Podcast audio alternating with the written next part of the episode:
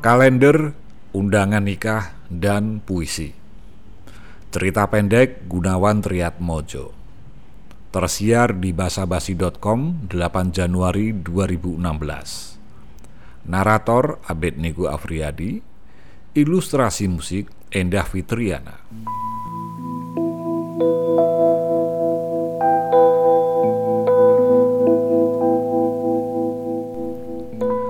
Model kalendernya kurang merangsang. Harusnya pula di sebelah kanan bawah model, di bidang yang masih tampak kosong itu, dibubui doa sebelum renang.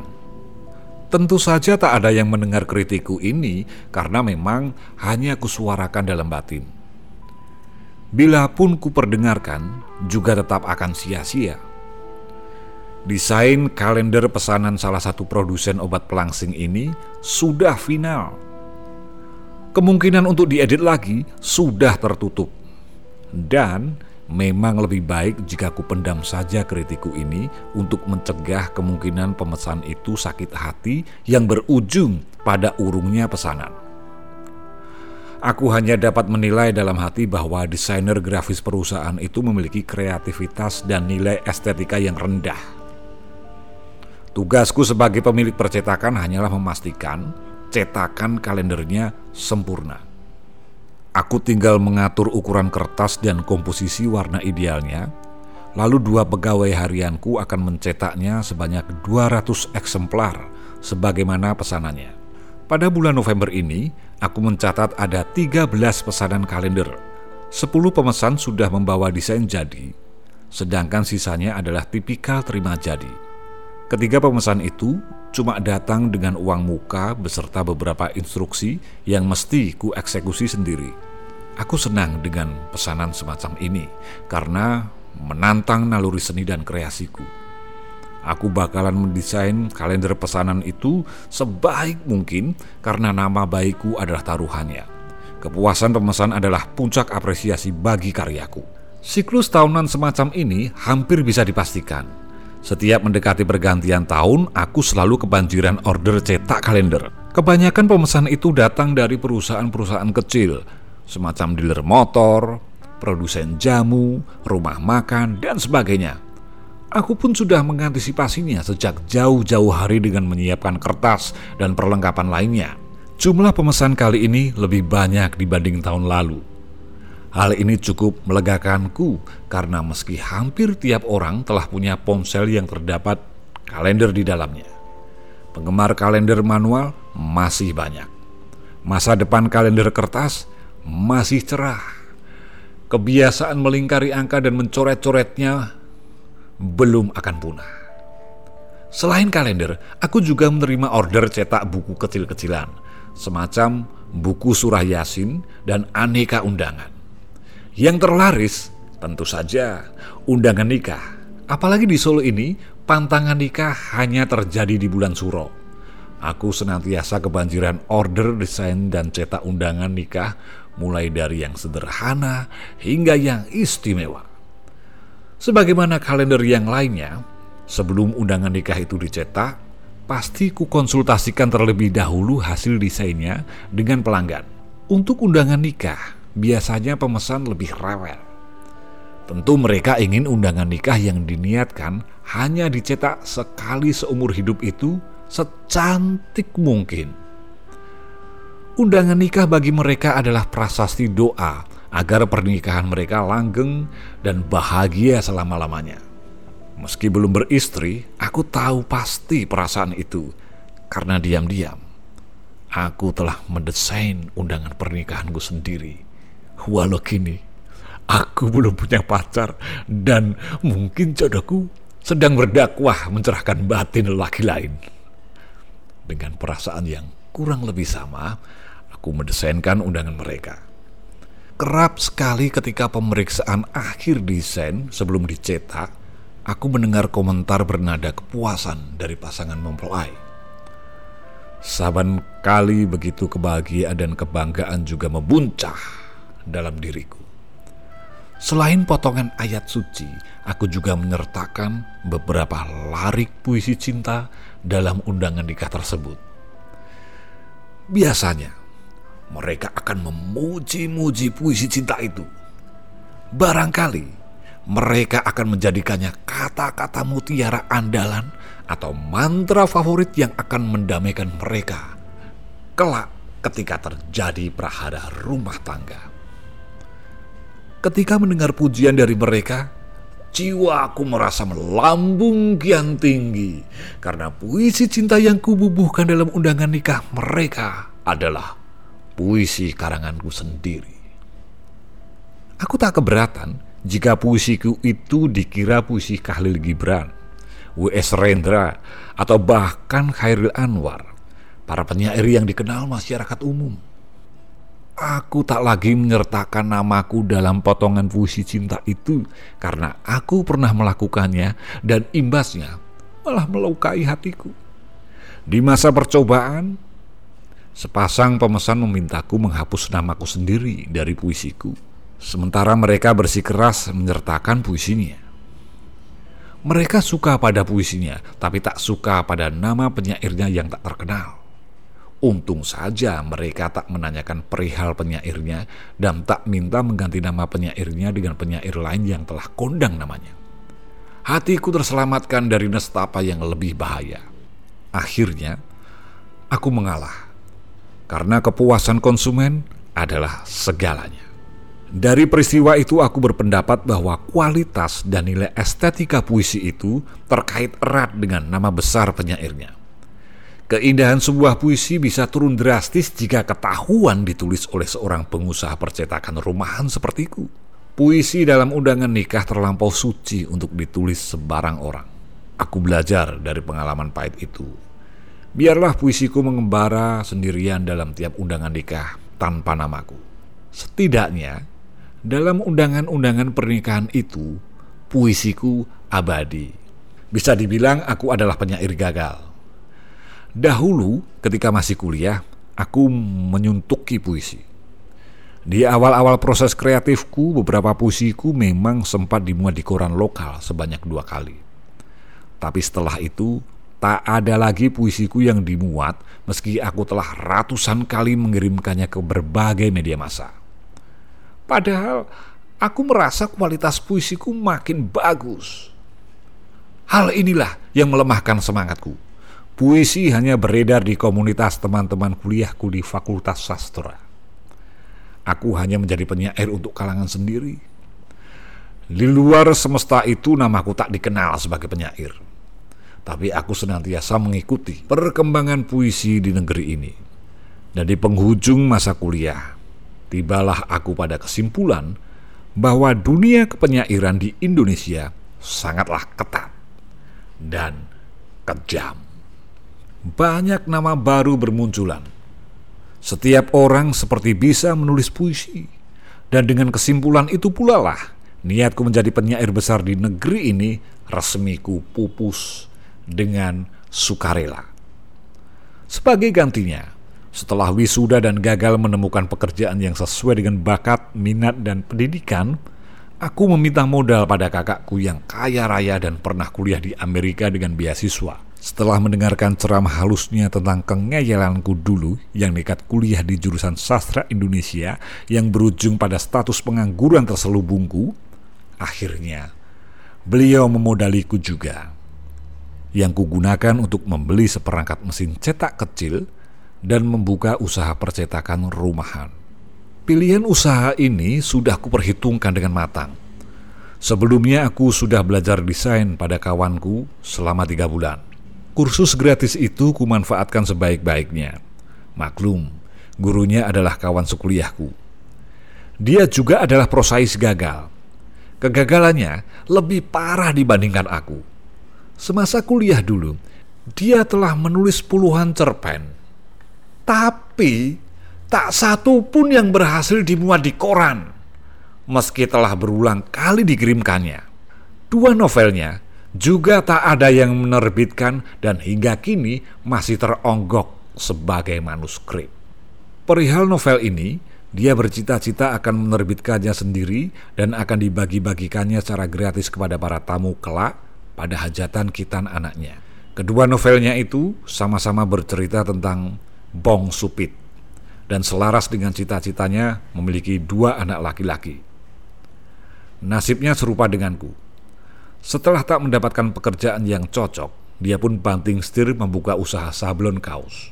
Sebelumnya, dia sempat kursus desain secara resmi selama satu tahun. Dia bersedia mengajariku setelah aku bersumpah tak akan membuka usaha sablon kaos yang akan menyaingi usahanya.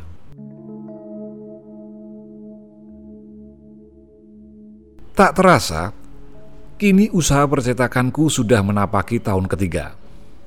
Memang belum ada kemajuan usaha yang berarti, tapi hasilnya cukup untuk menghidupiku dan dua orang pekerja harianku.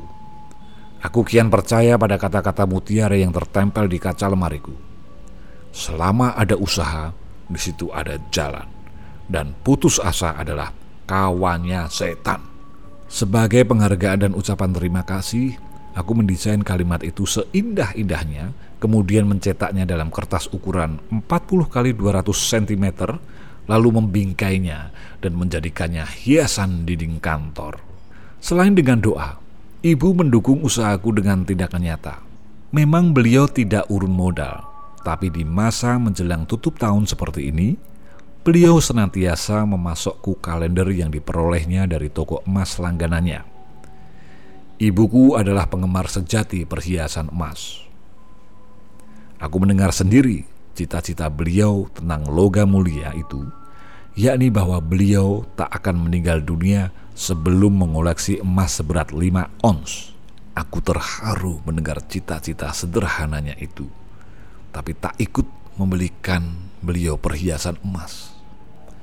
Aku takut bila koleksi emas beliau kian berat maka saat berpulangnya juga kian dekat. Ibu yang mendapat pasokan dana dari kakakku yang kaya raya seakan mewujudkan sendiri cita-citanya itu, sementara bapak hanya dapat ikut merasa memiliki. Penghasilan bapak sebagai pembuat sambal pecel sudah ludes untuk mencukupi kebutuhan hidup sehari-hari. Ibu sering menghadiahi dirinya sendiri dengan perhiasan emas. Tahun lalu ketika hari ibu, beliau membeli kalung seberat 25 gram Kalung itu dipakainya sendiri, sedangkan bonus kalendernya diberikan kepadaku. Katanya, kalung emas dalam bentuk panjang itu cocok digunakan saat ibu berhijab. Dan kalung itu memang tampak kian berkilau ketika dipakai ibu di luar kerudung. Aku ikut senang dengan pembelian itu dan teringat pesan ibu ketika memberikan kalendernya. Untuk studi banding, perkara studi banding ini sebenarnya adalah balas jasa dari ibu Beberapa tahun lalu, semasa fisiknya masih kuat, ibu membuka usaha berjualan lemper. Lemper itu adalah buatan ibu sendiri yang dititipkan ke warung-warung dan terkadang juga menerima pesanan. Di masa itu, aku berkecukupan asupan lemper dan telah mencapai titik bosan. Setiap ada acara dan aku mendapat hidangan lemper, maka lemper itu akan kubawa pulang dan kuberikan kepada ibu untuk studi banding. Ibu akan memakan lemper itu sembari menganalisisnya, membandingkan dengan lemper buatannya sendiri. Biasanya pula di akhir santap lemper, ibu akan memberikan penilaian yang sudah bisa diduga. Ibu akan membuat lemper yang barusan dimakannya dan mengatakan bahwa lemper buatannya jauh lebih enak. Kurasa hal itu manusiawi dan itu baik bagi perkembangan mental dan kepercayaan diri ibu sebagai produsen lemper. Kurasa dalam hal apa pun studi banding itu perlu. Hal ini sesuai dengan buku yang sedang kubaca, yakni salah satu buku motivasi usaha karya Sukih Sekolair, berjudul Mengaspal Jalan Rezeki. Aku beberapa kali mengikuti seminarnya.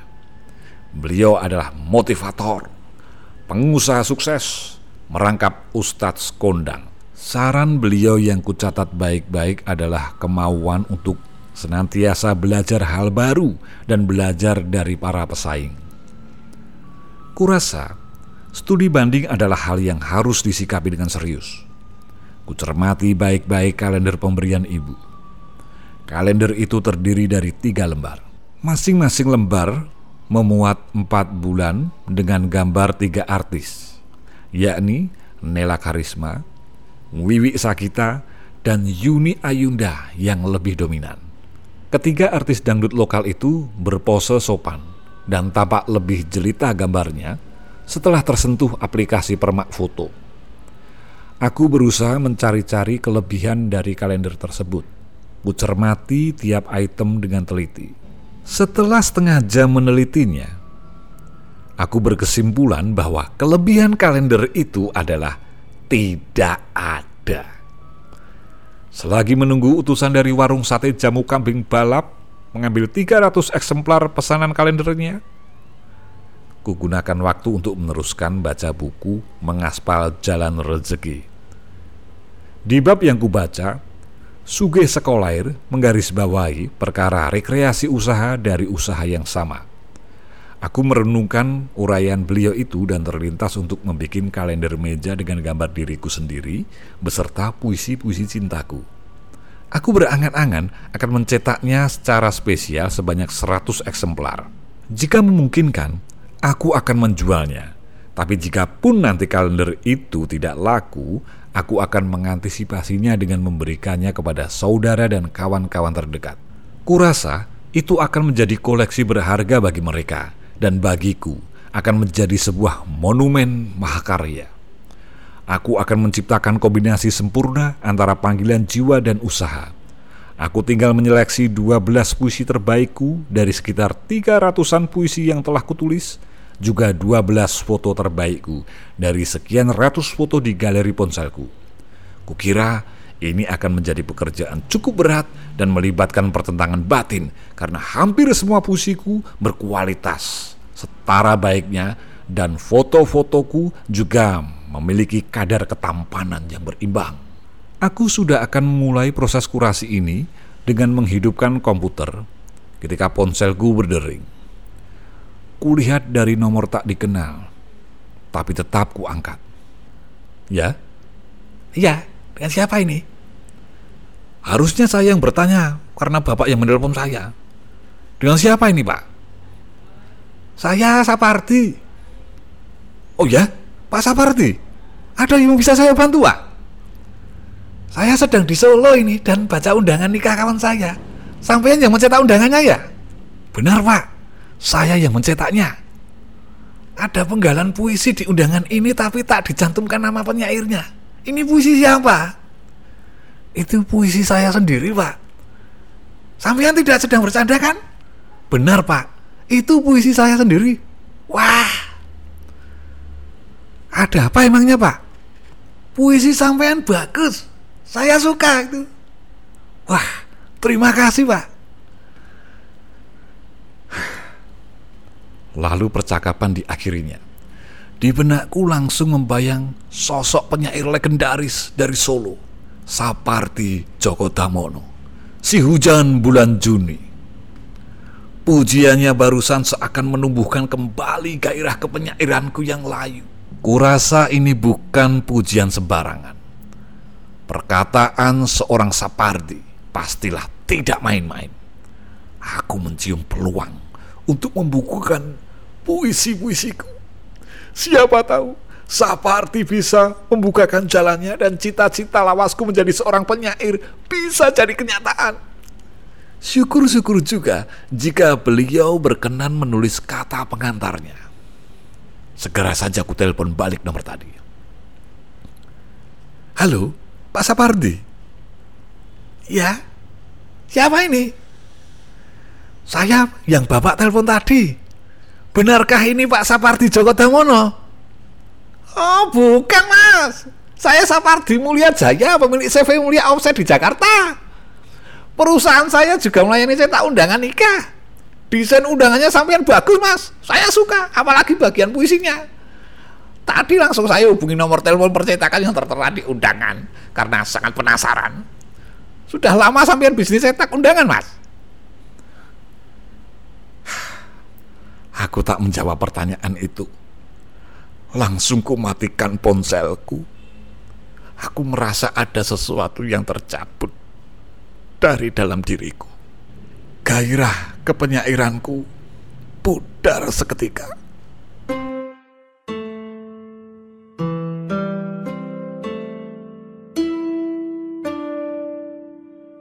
Sastra suara ini dipersembahkan oleh divalitera.org.